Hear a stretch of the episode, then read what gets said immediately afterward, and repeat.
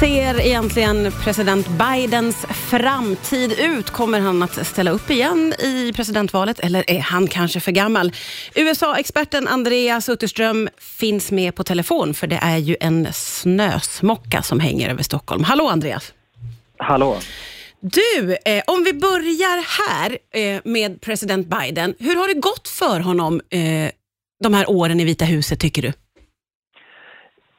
Objektivt sett så har det, har det gått oväntat bra. Han har haft ett svårt läge. Han har inte haft tillräckligt många partikamrater i kongressen, det vill säga USAs motsvarighet till vår riksdag. Trots det så har han fått igenom en massa saker, stora infrastrukturpaket och annat. Eh, problemet har varit att förpacka det här och berätta om det och sälja in det till väljarna på ett begripligt sätt. Mm. Där har Bidens Vita hus inte varit särskilt framgångsrik. Hur har han uppfattats av väljarna? Menar du? Ja, men som en person som, som eh, blir så där som politiker kan bli ibland, där, där undertonen är förstår ni inte hur mycket jag har gjort för er? Mm.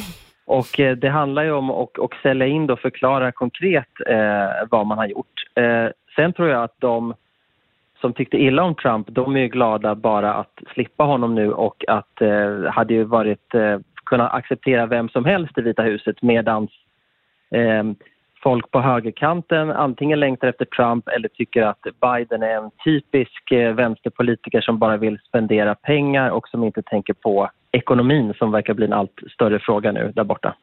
Men du, kommer han att ställa upp igen? Det verkar så. Han, hans State of the Union-tal som presidenten håller eh, varje år kändes ju som en enda stor upptakt till eh, valrörelsen och hans fru har också hon sa i princip i en intervju att han kommer ställa upp även om hon inte sa de orden. Så allt talar för det skulle jag säga trots att han då i november fyller 81. Och vad tänker vi om det? Och med vi menar jag du. Jag tänker att det är ganska typiskt USA. Det är inga problem där att jobba långt upp i åldrarna. Det, det finns en senator som är tror jag, tio år äldre än Biden men där har det blivit problem därför att hon har inte kunnat sköta sitt jobb ordentligt. Och Vissa försöker utmåla Biden som eh, dement och det köper jag inte för en sekund. Däremot så är det uppenbart när man ser honom eh, röra sig, prata, interagera med andra att han har åldrats mycket sedan han var vicepresident under Obama. Mm, mm. Och eh, rent generellt så tycker jag att erfarenhet är jättebra men eh, någonstans så finns det ju en, en övre gräns. Min, min svärfar är, är över 80 och, och, så pigg att han skulle kunna åka Vasaloppet. Men jag vet inte om jag tycker att det vore någon bra idé att han i den här åldern skulle ha sitt livs tuffaste jobb och den frågan kan man också ställa sig om Biden.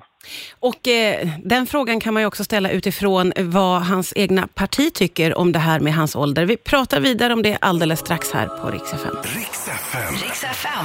Ja, vi pratar om president Bidens framtid. Det är USA-experten Andreas Utterström som finns med på telefon idag. Eh, och vi pratar om det här med att han fyller alltså 81 år eh, och det är inga större problem i USA. Men det måste ju ändå finnas eh, några tankar kring det här även från hans egna parti. Hur ser det ut där?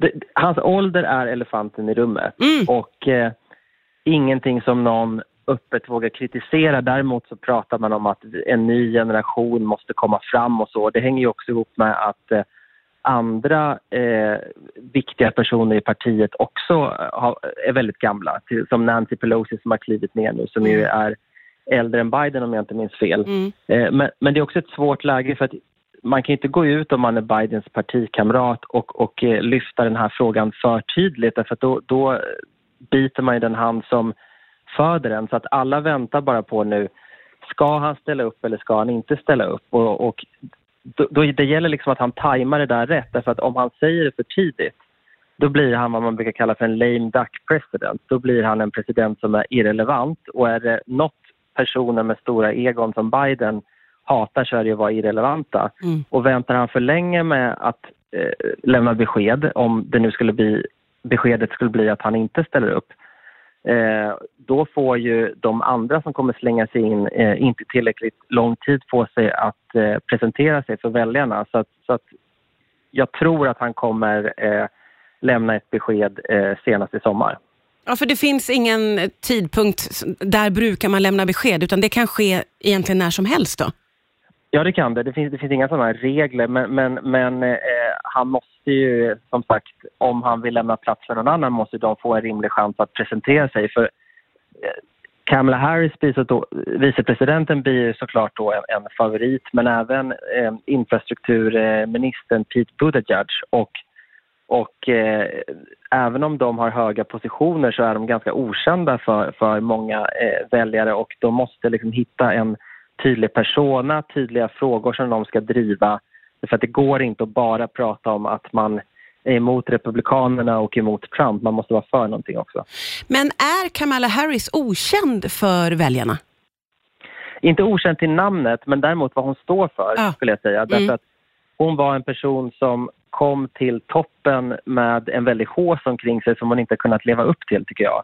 Och hon har också fått ett rykte om sig att vara hal, slipprig och ganska eh, innehållslös. Och, och, när det där väl sätter sig hos väljarna så blir varje liten fadäs en, eh, en bekräftelse av att hon inte hör hemma i, i, eh, i högsta ligan. Och då får, därför måste även hon då få en chans att presentera sig för väljarna, berätta vad hon har gjort, vad hon vill och varför hon är bästa valet. Och väntar Biden för länge och sen kliver av, då eh, så har han sabbat för henne. Mm.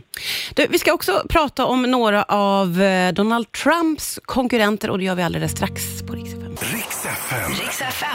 Ja, det är USA-experten Andreas Utterström som finns med på telefon här idag. Vi eh, har pratat ju om eh, president Bidens framtid och jag måste ju få ställa den här frågan även om det verkar ju troligt då att han kommer att ställa upp i presidentvalet igen. Men om han väljer bort det, hur ser Joe Bidens framtid ut då undrar jag? Det är svårt att se en framtid framför sig där Joe Biden ägnar sig åt att äta katrinplommonpuré och mata änderna. Jag tror snarare att han kommer skriva eh, en ny bok, att han kommer hålla föreläsningar och att han kanske kommer vara rådgivare och sitta i eh, styrelser. Det, det, är ungefär så det brukar se ut med tonvikt på att man blir lobbyist. Men, men men han har i så fall ingen lång karriär som lobbyist framför sig. Nej men precis, det här gäller även om man är 81 alltså. Man fortsätter jobba med viktiga saker. Oh ja, och man måste tänka på att Biden och alla andra på den nivån har ett jättestort ego. De träffar konstant folk som berättar för dem hur viktiga de är. Ingen annan rör mig som, som du, hörde vi nyss i låten. Och det, så säger säger folk till Biden också, bildligt talat förhoppningsvis. Mm. Och eh, eh, det tror jag sätter sig i hjärnan på en. Eh, det är djupt mänskligt. Ja. Du, vi ska försöka hinna med också eh, när vi pratar om vilka som kan tänka sig komma ställa upp i presidentvalet. Vad har Donald Trump för competition?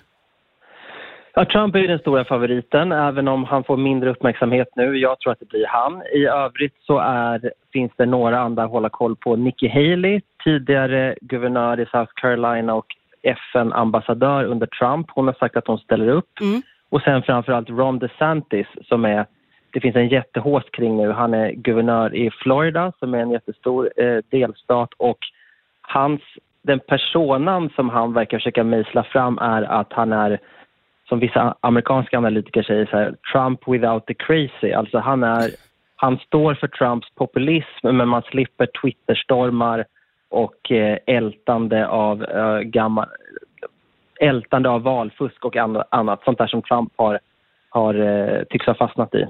Men du tror inte att någon av dem kommer att rå på Trump? Nej, jag tror att tittar man på opinionsundersökningarna så har Trump fortfarande partiet i ett järngrepp. Eh, nu syns han inte lika mycket, men sen kommer det debatter och annat och jag tror att Ron DeSantis är liksom... Han håsas väldigt mycket av medierna för att det blir bra dramaturgi när det blir en tungviktsmatch mellan Trump och någon annan.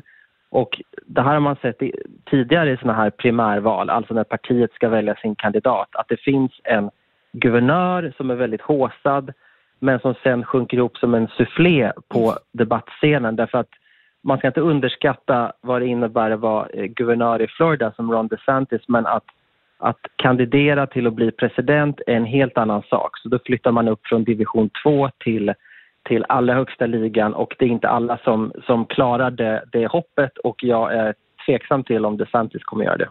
kommer oavsett att bli spännande att följa. Det är alltid ett nöje att prata amerikansk politik med dig. Tack för idag, Andreas Utterström.